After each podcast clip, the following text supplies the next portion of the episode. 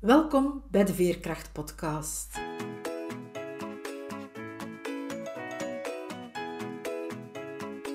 Ik ben Veerle Schaltien, levensverhalen en schrijfcoach. Met mijn bedrijf Wiebelwoorden trek ik voluit de kaart van veerkracht. Voor deze podcastreeks interview ik veerkrachtige vrouwen. Het zijn vrouwen zoals jij en ik, die soms wel eens het hoofd laten hangen, maar die er vooral telkens opnieuw in slagen weer overeind te krabbelen, die telkens opnieuw de moed hebben om door te gaan, die ondanks alles ten volle in het leven staan en elke dag waardevol weten te maken. Hoe ze dat doen, vertellen ze je heel openhartig. Luister, snoep van hun woorden en laat je inspireren door hun verhalen, want als zij het kunnen, kan jij het ook. Dag Esmee, welkom.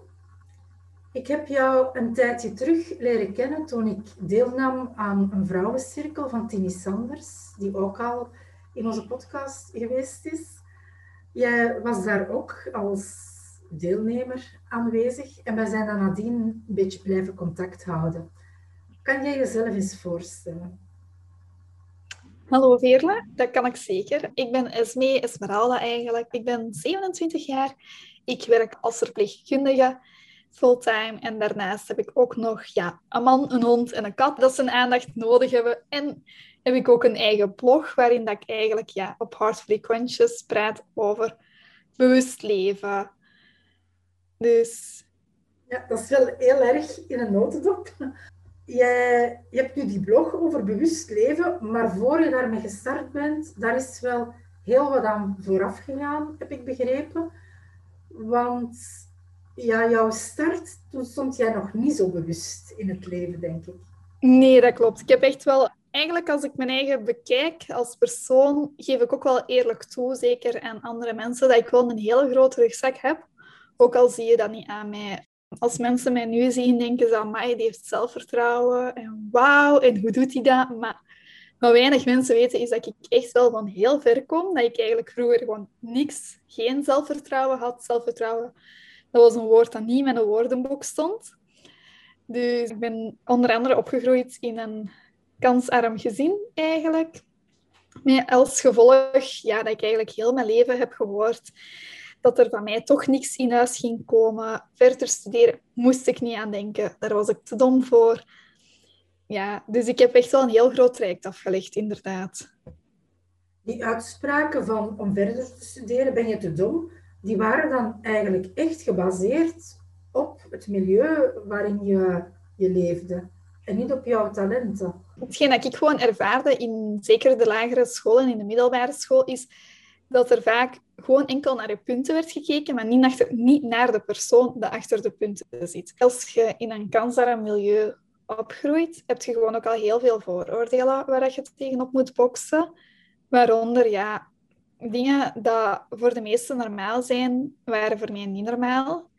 Als mensen tegen mij zeiden van mijn ouders gaan hier elke dag werken, dan had ik zoiets van, huh, werken? Ja, mijn ouders stonden op ziekenkast, invaliditeit door gezondheidsproblemen.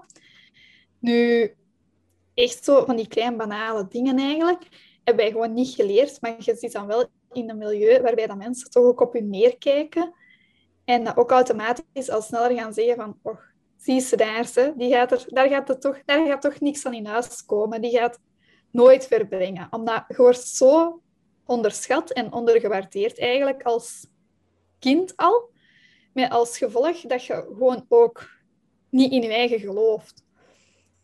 Maar, dus in school kreeg ik dan, ja, weet je, mijn motivatie was er niet. Want ja, als je reacties krijgt van, oh, je gaat er toch nooit iets van in huis brengen, of je bent er te dom voor, waarom zou je dan je best doen voor betere punten te krijgen? En dat is uiteindelijk hetgeen dat er bij mij gewoon is gebeurd in mijn middelbare school. En ik gewoon heel vaak heb gehoord van, ja, dat gaat u toch niet lukken. Ook al heb ik, toen ik tiener was, gezondheidsproblemen gehad, door onder andere een knie dat uit de kom is geschoten twee keer op een jaar tijd en daaraan geopereerd moest worden. Ja, Waardoor dat ik elke dag eigenlijk naar de kinesiste moest voor mijn knie terug te kunnen gebruiken. Maar ja, als je thuis komt van school en je moet dan meteen naar de kinesiste en je hebt juist tijd voor het eten en je zit pas om acht uur terug, ja, dan heb je niet de motivatie om te studeren. Maar dan krijg je wel op het einde van het schooljaar een B-attest. En dan kun je beter van TSO naar BSO gaan, want ja, je bent er te dom voor. Je krijgt het etiket van je bent te dom, zonder dat ze eigenlijk gaan kijken van wat zit daar eigenlijk achter? Ja. Het dat die, die punten niet beter zijn? Inderdaad. En dat is natuurlijk heel erg jammer, want hadden ze toen gekeken naar het feit van dat ik wel gewoon last had van mijn knie, dat ik elke dag naar de kinesiste moest gaan, dan konden ze daarop inspelen. Maar dat hebben ze eigenlijk niet gedaan. En dat is gewoon oprecht jammer. De leerkrachten geloofden niet in jou. Als ik het goed begrepen heb, dan de leerlingen die pesten jou ook. Ja. Nou, had dat ook te maken met het milieu waarin je leefde? Of? Dat is een combinatie van factoren. Ik was gewoon heel gemakkelijk slachtoffer ook. Uh, heel verlegen. Als ik vroeger iemand tegenkwam, mijn ouders bijvoorbeeld, was ik als zesjarig meisje de persoon dat de jas van mijn vader opendeed, erin kroop en dan zo ging verschuilen voor vreemde mensen dat mijn ouders kenden. Omdat ik zo extreem verlegen was eigenlijk. Dus, en ja, ook gewoon mensen, kinderen, ze hebben dat snel door van elkaar. Wanneer dat iemand verlegen is en haar eigen niet kan verdedigen, dat is gewoon een heel gemakkelijk doelwit. En dat was bij mij gewoon het geval. Met als gevolg dat ik werd gepest op mijn uiterlijk. Uh, bijvoorbeeld mijn wangen. Ik heb van die bolle kaakjes altijd al gehad als kind. Nu, in deze tijd zeggen ze dat ik fantastische jukbeenderen heb toen in die tijd was, amai, je dikke wangen. Dus, ja. Laat maar hoe dat er naar gekeken wordt. Ja, inderdaad. Nu, de laatste jaren, als je dan ergens naartoe gaat en een beetje highlight erop, dan is oh, je hebt fantastische jukbeenderen. Maar toen heb ik gewoon gehoord, amai, je hebt wel dikke wangen, hè, zeg. Je bent precies een kikker.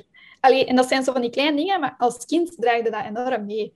En ja, weet je, dat is gewoon niet tof. En het, was, het waren altijd zo van die uitspraken, ook gewoon buitengesloten worden, nooit meegevraagd worden op ja, verjaardagsfeestjes. Want ja, uiteindelijk, oh, Esme, die rare, die willen we er ook niet bij hebben. Dus ja, en heeft toch wel een serieuze impact gehad op mij als tiener ook. Ik kan me indenken dat je dan helemaal geen zelfvertrouwen hebt. Het zijn de leerkrachten die zeggen van, ja, jij deugt eigenlijk voor niks. De leerlingen die jou dan een rare vinden, je komt dan helemaal alleen te staan. Welke gevolgen heeft dat op dat moment voor jou gehad? Toch wel vrij grote eigenlijk. Alleen mensen onderschatten echt wat het doet voor als kind gepest te worden. Echt in de zin van dat ik als tiener ook echt wel in een depressie ben beland. Met als gevolg dat uh, ik ook verschillende zelfmoordpogingen heb ondernomen. Ook heb ik uh, op het randje van een eetstoornis gestaan, met als gevolg dat mijn huisarts echt op een bepaald moment heeft gezegd tegen mij van Esmeralda, ofwel ga je nu eten, ofwel kun je het vergeten dat je gaat afstuderen van een middelbare school, want dan word je opgenomen. En als je wordt opgenomen, kun je fluiten achter je diploma, want dan heb je geen tijd voor naar school te gaan. Dus, en dat was toch wel heel chockerend eigenlijk op die moment om dat te horen. Heeft dat dan een kentering bij jou teweeggebracht? Ja, toch wel. Omdat dat was toen op een half jaar voordat ik van het middelbaar ging afstuderen. En dat diploma was zo dichtbij. Ik ben dan uiteindelijk ook zes maanden later afgestudeerd als uh, opvoedster A2, omdat ik uh, jeugd- en gehandicaptenzorg heb gestudeerd. Dus, en, ja. en dan daarna ook gewoon heel veel geluk gehad, omdat ik ja, verpleging ben gaan studeren en daar gewoon echt fantastische leerkrachten heb gehad. Wat heeft jou ertoe aangezet van die studie te gaan doen? Want je, je zegt van, ja, een diploma, betekende niet veel voor mij. En toch heb je die moed gehad om een studie als verpleging aan te vangen. Ja, eigenlijk ook omdat ik via een vriendin had ontdekt dat er een onderwijsvorm was tussen het middelbaar en de hogeschool. HBO 5 is zo'n onderwijsvorm iets dat ik toen eigenlijk niets vanaf kende, maar eigenlijk via een vriendin dat zei, oh, ik doe verpleging. En ik zei, oh, jij doet verpleging. Welke hogeschool? Je zei, ah, maar dat is niet aan de hogeschool, dat is HBO 5. Dat is tussen het middelbaar en de hogeschool. En die was daar heel lovend over. En als klein meisje had ik eigenlijk altijd wel gezegd van, ik wil voor verpleegster gaan, ik wil verpleegster worden. Maar dan ja, uit mijn hoofd gegaan, want ja, ik was toch te stom voor te helpen donderen. Dus waarom zou ik in godsnaam beginnen aan een studie als verpleegkundige? Maar ja, toen ook, ik had mijn diploma dan van het middelbaar op zak en ik was gewoon ook echt niet klaar om te gaan werken. Dus dan, toen ik dan hoorde dat er een onderwijsvorm was tussen het middelbaar en de hogeschool, ja, dat was een geschenk uit heldere hemel. Hè? Dus die kans heb ik dan... Ik heb dat dan tegen mijn ouders gezegd. We zijn naar een infodag geweest. En mijn ouders ook van, als je het wilt, mogen het proberen. En die hebben mij er wel keihard in gesteund voor ervoor te gaan. Je ouders hebben je op dat moment gesteund. Je vertelde ook van, in die opleiding waren er ook leerkrachten die in mij geloven. En ja, wat is er dan beginnen te veranderen in je leven? Goh, ja, eigenlijk. Ik heb eerst een jaar in uh, Sint-Niklaas gestudeerd, maar daar lag de lat extreem hoog. Waardoor dat ik eigenlijk op mijn tweede module in het eerste jaar gebuist was. Maar mijn ouders hadden zoiets van, kom aan, je bent zo goed bezig, je haalt eigenlijk wel goede punten. Kom, doe die module gewoon opnieuw, maar in Mechelen. Dus in Mechelen ben ik dan uh, verder gaan studeren voor mijn verpleging voor mijn ja, diploma van verpleegkundige. En heb ik daar eigenlijk ja, op mijn eerste stage gehad, een fantastische leerkracht eh, gehad, Annelies Kleuren. Ja, zo, ja, het ding is, op een of andere manier hebben wij echt elkaar gevonden. Ik was toen heel onzeker als student. Ook op stageplaatsen uh, was ik heel onzeker. Ik was tien keer aan het vragen van, doe ik het goed? Is er iets? Kan ik iets doen? Waar kan ik aan verbeteren? Allee. En dan heb ik eigenlijk heel veel stageplaatsen gehad dat zeiden, Esme, je mocht echt zelfzekerder zijn, je doet dat goed, kom aan, je kunt het, wij geloven in u, je moet ook in wij geloven en dat komt goed. En mevrouw Kleur, ja, Annelies, uh, die, dat is zo'n heel zacht persoon, dat eigenlijk altijd wel het mooie in mensen ziet, maar die kon feedback op een heel zachte manier aanbrengen. Dus bij mij werkt dat niet als je heel direct, heel cru zit van oh, deze is niet goed. Die ja, die kon op een heel fijn manier aanbrengen van de sprallen. Probeer daarop te werken, maar dit en dat en hetgeen doe je wel goed.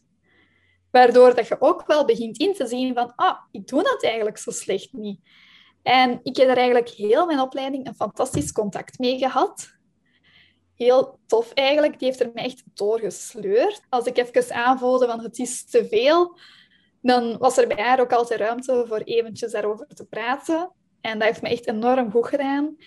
En toen ook heb ik ook de liefde voor de rode lippenstift ontdekt in het uh, studeren voor verpleging. En ja, op school waren ze daar heel open-minded in. Van, oh Esmeralda, dat staat u eigenlijk wel goed. Doe het dan meer. dat ik echt op een bepaald moment heb gehad in een klas met een bepaalde leerkracht. Dat wij toch, uh, was een dag dat wij een halve dag stage hadden. En uh, dan in de namiddag moesten wij zo even op terugkomen gaan. Dat is zo even ventileren van hoe zijn die weken stage geweest. Hè? Hoe was dat meegevallen? Hè? Want dat was toen in het tweede jaar. En in het tweede jaar leert je technieken zoals bloed nemen, wondzorgen doen, uitgebreide wondzorgen. Dus... En ik heb toen echt gehad dat ik ja, geen lippenstift had gedragen, omdat ik ja, een stage aan doen was die een dag. En in de namiddag kwam ik daar aan en uh, een leerkracht tegen mij Zeg, Esme, ja, maandag, als je mijn les binnenkomt, ja, je rode lippenstift, hè, je komt niet binnen. Hè. dus dat was zo zalig dat hij zoiets had van, je kunt zien dat je je lippenstift op hebt of je komt mijn klas niet binnen. Omdat de leerkrachten zagen toen ook aan mij van dat ik aan het openbloeien was en dat die lippenstift mij daarin hielp. Dat die ook zeiden van, door het feit van dat je de stap durft te zetten voor die rode lippenstift te dragen, dat laat zien dat je je meer durft te laten zien aan de wereld. En dat is mooi. En dat kunnen wij als leerkrachten, als school alleen maar motiveren en achterstaan.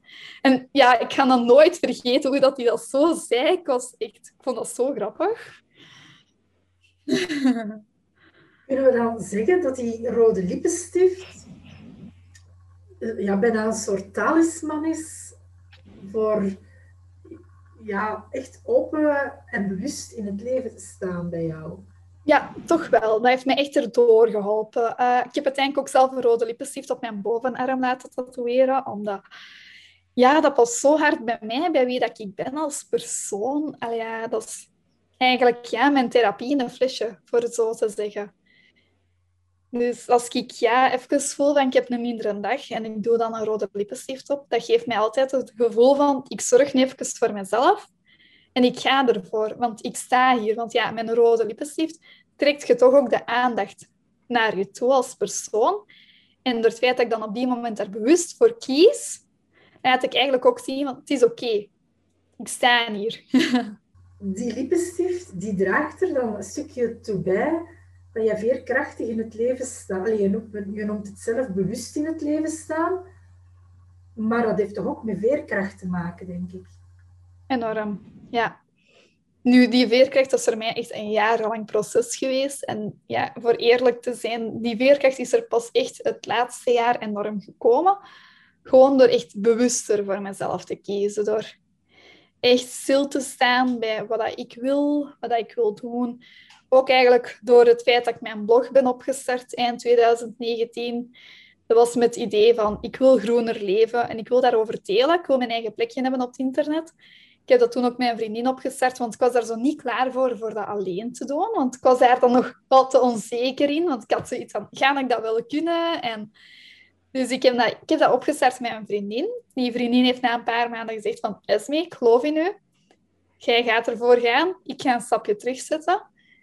En ja, gewoon door het feit van, dat ik daarmee bezig was, was ik ook bezig met een groener leven, bewuster leven. Maar bewuster leven is zoveel meer als kijken naar hoe dat je ecologischer kunt leven, maar voornamelijk ook gewoon zelfzorg. En zelfzorg meer, niet in de zin van een bad met een bruisbal, maar in de zin van echt naar je eigen durven kijken van oké, luister ik naar mijn lichaam? Uh, eet ik gezond? Hoe doe ik het? Ik, ja, op vlak van gezondheid, uh, ik, was ik was vroeger de persoon dat tien tassen koffie op een dag dronk. Eh, wat extreem veel is, dat is absoluut niet gezond. Maar door ja, vorig jaar daar zo echt met mijn eigen in te checken van oké, hoe doe ik het? Ben ik wel van die tien tassen naar twee gegaan op een jaar tijd. Nu zijn er echt momenten zoals zeggen dat ik gewoon geen koffie drink en ook niet het gevoel heb van oh, my, mijn tas koffie, hulp. Terwijl vroeger in het begin had ik dat gewoon. Hè. Als ik mijn tas koffie niet had, zeker niet als ik, als ik het gewoon was om er tien te drinken op een dag, dan zat ik echt op sommige momenten te shaken van oh, ik heb mijn cafeïne nodig, help. Dus, en ja, nu ook die kinderen is er ook gewoon gekomen dat ik vorig jaar zelf een chronische ziekte heb gekregen. Waardoor dat ik gewoon wel ja, moest kijken naar mezelf en naar de keuzes dat ik neem. Want ja, uiteindelijk, als je chronisch ziek bent, heb je gewoon niet een gezond lichaam en moet je gewoon beter zorgen voor je eigen lichaam dan iemand anders. Dan zegt je lichaam het alleszins. Hè? Van, ja. Nu moet je echt voor jezelf gaan zorgen. Inderdaad. Terwijl ik denk dat iedereen best heel voor zijn ja. of je nu ziek bent of niet, maar inderdaad, zo'n ziekte wijst je er nog eens extra op van kom aan, het is tijd, zorg voor jou. Ja, dat voelde voor mij ook heel hard aan als een noodrem waar dat mijn lichaam heeft opgetrapt. Omdat ik had zoveel stress van op mijn vorige job, van dingen dat ik er allemaal bij deed. Ik at eigenlijk niet echt heel gezond. Ik dronk heel veel cafeïne, regelmatig toch wekelijks een fles wijn. Toch? Allee, en je kunt dan wel zeggen, goh, dat valt mee. Ja, maar echt ideaal is het nog niet. En ik was ook zo ja, bezig met gewoon te leven tegen 200 per uur. Terwijl door echt bewuster te gaan leven, zeker met die noodrem, ben ik echt beginnen te denken van wat geeft mij hier energie? En ben ik begonnen met ja, spiritualiteit wat meer in mijn leven te integreren terug. Ik was vroeger als tiener wel vrij spiritueel. Ik was er eigenlijk toch wel mee bezig, maar dan wat kwijtgespeeld. En ja, voor mij is spiritualiteit iets dat ervoor zorgt dat ik met mijn hoofd in de wolken zit, maar wel met mijn twee voetjes op de grond. Terwijl daarvoor waren mijn voetjes nooit op de grond, want ik was altijd tegen 200, 300 per uur aan het lopen, aan het rennen. Terwijl ja, nu sta ik wel zoveel sterker in mijn schoenen door gewoon ja, kleine dingetjes te doen, zoals elke dag vijf minuten mediteren. De ene moment kan dat er ook tien zijn, een kwartier, waar ik eigenlijk die moment nood aan heb. Bezig zijn met in mijn dagboek te schrijven, bezig zijn met essentiële oliën of met geuren, kleuren. Dat zijn allemaal van die kleine dingen die mij enorm helpen nu voor echt veerkrachtiger te zijn. Omdat ik nu ook gewoon echt durf te zeggen van oké, weet je, nu ga ik eventjes 10 minuten mij daar zetten en ik ga even gewoon volledig in mezelf keren en tijd en ruimte creëren voor mezelf. Daarvoor is het voor mij gemakkelijker voor balans te houden. Want uiteindelijk, veerkracht is gewoon ook balans zoeken. En daarvoor was dat totaal niet. Die veerkracht was er gewoon niet, omdat ik gewoon ook niet naar mijn eigen lichaam luisterde, naar wat ik zelf wou. Allee, ja. Maar door het feit dat ik daar het laatste jaar enorm bewust mee bezig ben, is dat wel enorm gegroeid. Ik heb zelfs onlangs van iemand een bericht gekregen dat zei tegen mij, Amai Esme, hoe dat jij zo veerkrachtig bent en zo veerkrachtig in het leven staat, wauw. En ik heb dat bericht echt een aantal keer herlezen dat ik dacht van, wacht, ik? Veerkrachtig? Wat zeg jij nu? Maar ja, dat is echt, ik ben echt enorm gegroeid. Gewoon door voor mijzelf ruimte te nemen en ook gewoon te beseffen dat ik echt wel die ruimte verdien. Want dat is ook vaak het deeltje bij zelfzorg. Durven toegeven dat je het waard bent voor die ruimte te nemen. Je hebt daar een heel mooie evolutie in doorgemaakt. Want als ik jou daar straks hoorde zeggen, in mijn tienerjaren, ik had compleet geen zelfvertrouwen. Ik had zelfs een depressie. Je hebt mij voordien ook verteld dat jij rondliep met het idee van, verdien ik het wel van hier te zijn en wat loop ik hier eigenlijk te doen? Tot dan naar nu van, ja, ik heb mijn eigen ruimte, want dan begonnen is met ruimte op internet door de blog waar je mee gestart bent. Maar eigenlijk neem je nu gewoon ruimte in, in de wereld, in het leven in.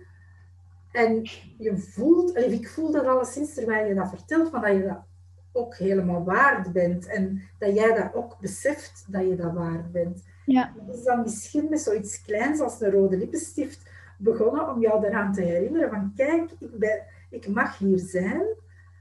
Maar dat Inderdaad. is heel veel verder gegaan. Hè?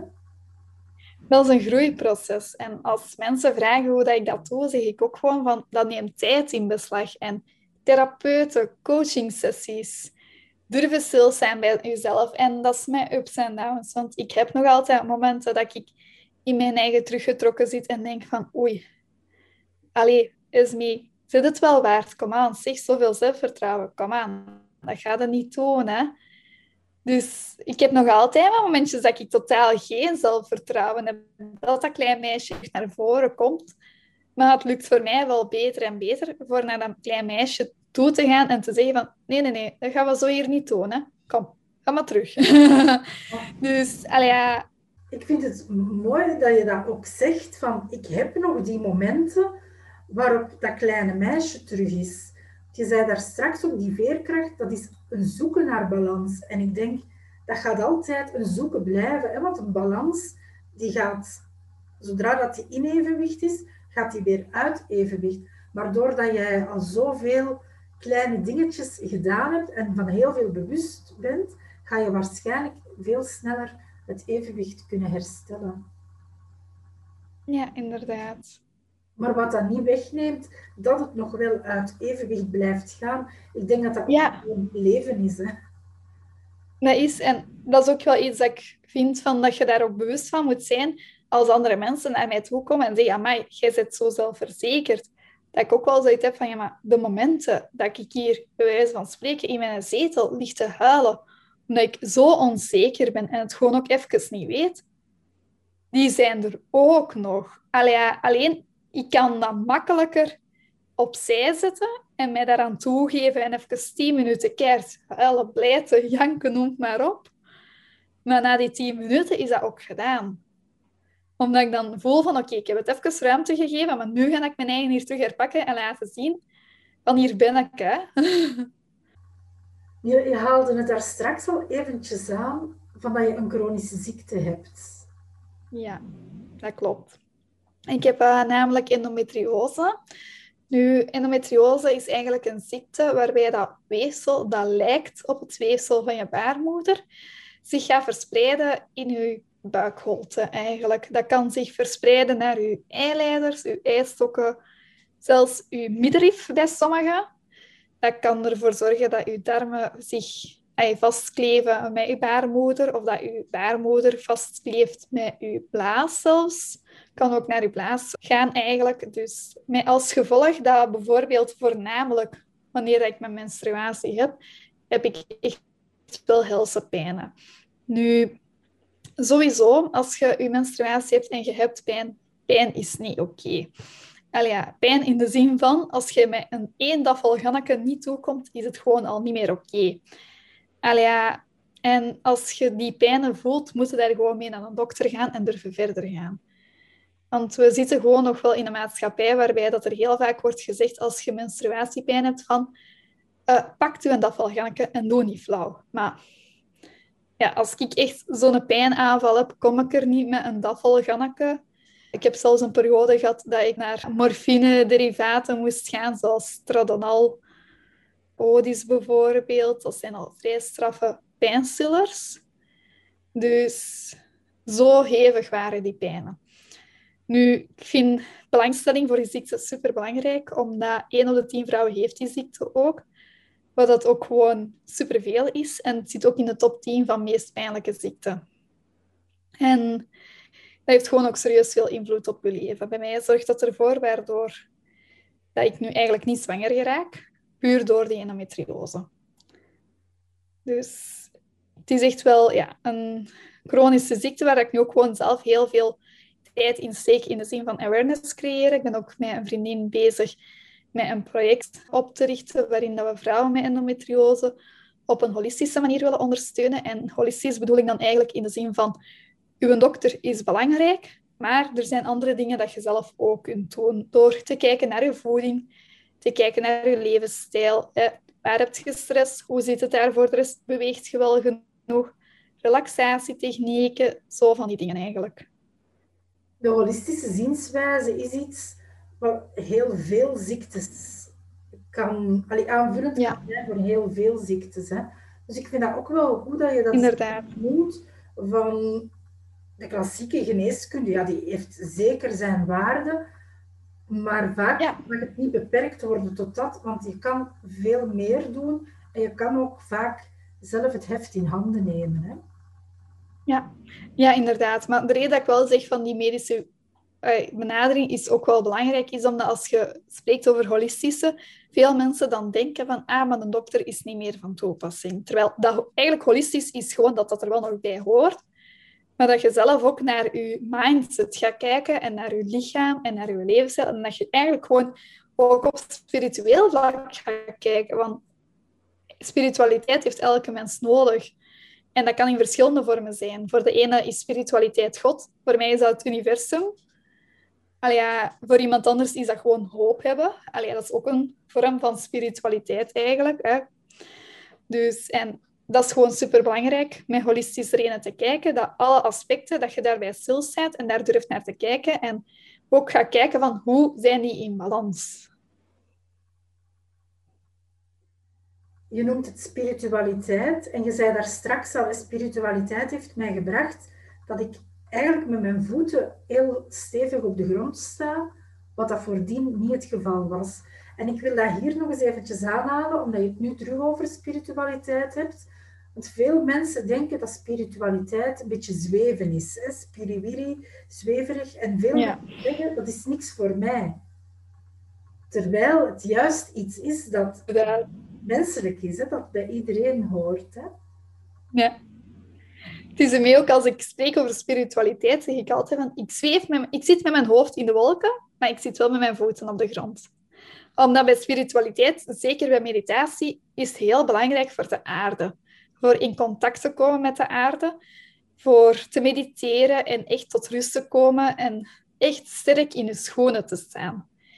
En dat is iets dat spiritualiteit mij heeft gebracht. Door heel simpel op je blote voeten in het gras te lopen, aard je. En dat brengt u eigenlijk ja, echt met uw twee voetjes op de grond. En dan staat ook gewoon sterker in je schoenen, want je bent in het hier en in het nu. En dat is iets dat in spiritualiteit ook belangrijk is, is dat je gewoon beseft van, ik ben nu hier en ik ga hier nu bewust mijn aandacht aan delen. En als je dan met iets bezig bent, is het belangrijk voor op, daar, op die moment daar bewust mee bezig te zijn. Maar je kunt niet met iets bewust bezig zijn als je altijd met je hoofd in de wolken zit. En niet met je voeten op de grond zit. Dat hoofd in de wolken, want je zegt ik zit toch wel met mijn hoofd in de wolken. Dat zorgt ervoor dat je kan dromen en doelen stellen. Hè, want je moet je dingen kunnen voorstellen om ze jou als doel te stellen. Maar tegelijkertijd altijd verankerd in het nu En in het hier ook, in de plek waar dat je bent. Hè? Inderdaad. Wat dat je daarbij daar straks ook aanhaalde, was van... Ik ga mediteren, maar ik ga ook schrijven. Ik ben met uh, essentiële oliën bezig. Dus het zijn eigenlijk ook de dingen waar wiebelwoorden voor staan. Dus ik vind het dan heel fijn van dat ook iemand anders nog eens een keer te horen zeggen. Want het zijn dingen die je helpen om veerkrachtig in het leven te staan uiteindelijk. Hè.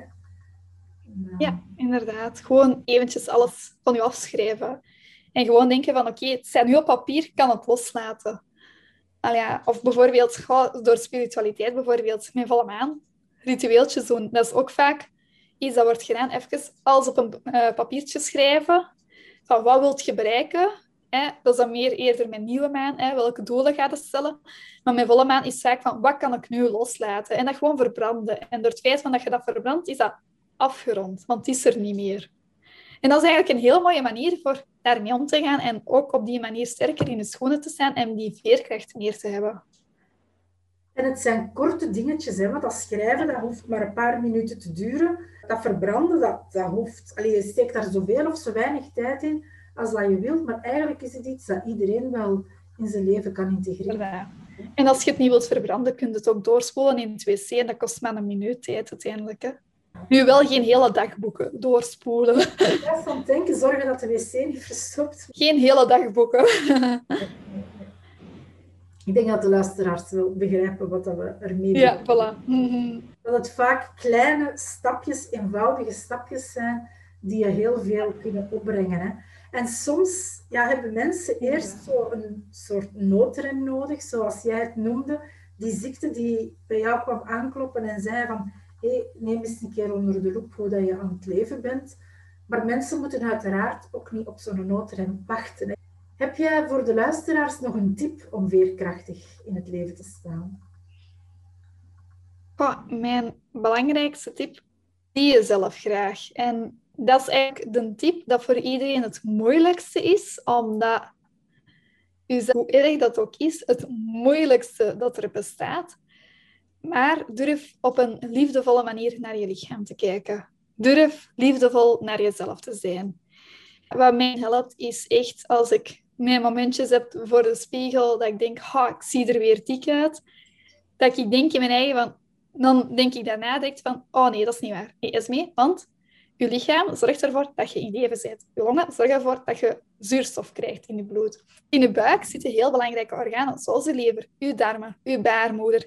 En je kunt eens een keer een momentje hebben dat je denkt, ha, ik zie er niet zo mooi uit. Je kan momenten hebben dat je je niet zo mooi voelt.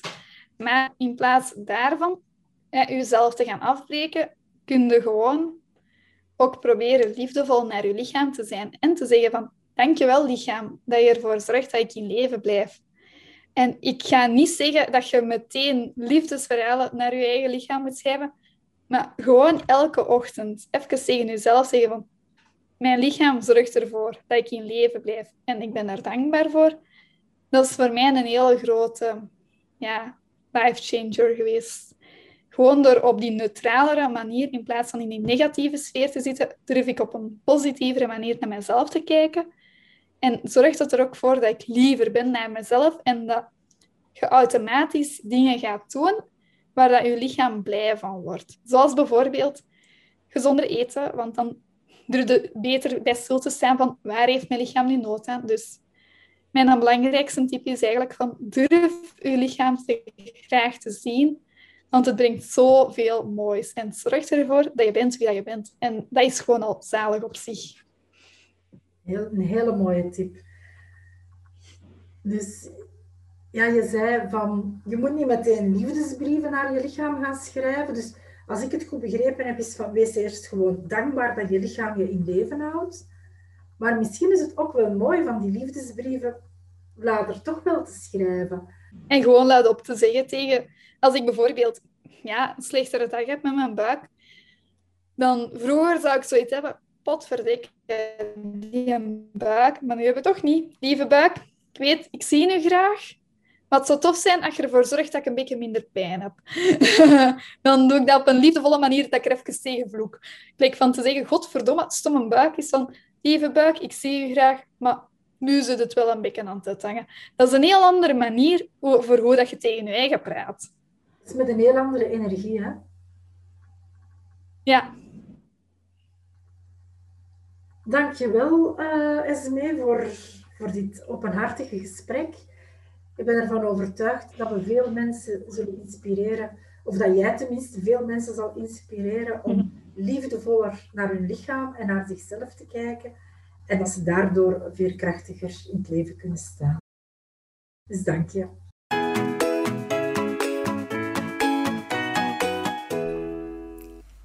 Wens je meer uit je leven te halen? Wegen gebeurtenissen uit het verleden misschien zwaar door? Of kan je je maar weinig herinneren? Wil je ontdekken wie je echt bent en in je eigen kracht staan? Of droom je er misschien al langer van jouw levensverhaal op papier te zetten? In het najaar start er een nieuw jaartraject waarin we schrijven aan ons levensverhaal. Eerst gaan we op zoek naar het verhaal dat in je leeft. Dan stellen we een persoonlijk schrijfplan op en gaan we op zoek naar jouw schrijfstem. We kijken vanuit een ander perspectief naar ons verhaal en ons leven en uiteindelijk komt er ook nog een herschrijffase aan. Uniek aan dit traject is dat je zowel schrijftechnische ondersteuning krijgt, want we werken naar een eindproduct toe, jouw levensverhaal, als dat ik het proces dat je ondertussen doormaakt begeleid. Het schrijven van jouw verhaal is een manier om te groeien. Het zet je op weg naar meer veerkracht. Lijkt dit jou wel wat? Dan kan je via onze website een afstemgesprek inboeken. In dit vrijblijvende gesprek kijken we samen of dit traject voor jou iets kan betekenen. Ik hoor graag van je. Je luisterde naar de Veerkracht-podcast. Hartelijk dank hiervoor. Hopelijk heb je even erg van dit veerkrachtige verhaal genoten als ik. Laat je er zeker door inspireren. Ben je benieuwd naar het volgende interview? Of wil je niks van deze podcastreeks missen? Surf dan naar www.wiebelwoorden.be of abonneer je nu meteen gratis op deze podcast via Spotify of een andere podcast-app. De montage van deze podcast was in handen van Johannes Veremans. Nogmaals dank voor het luisteren en graag tot de volgende aflevering.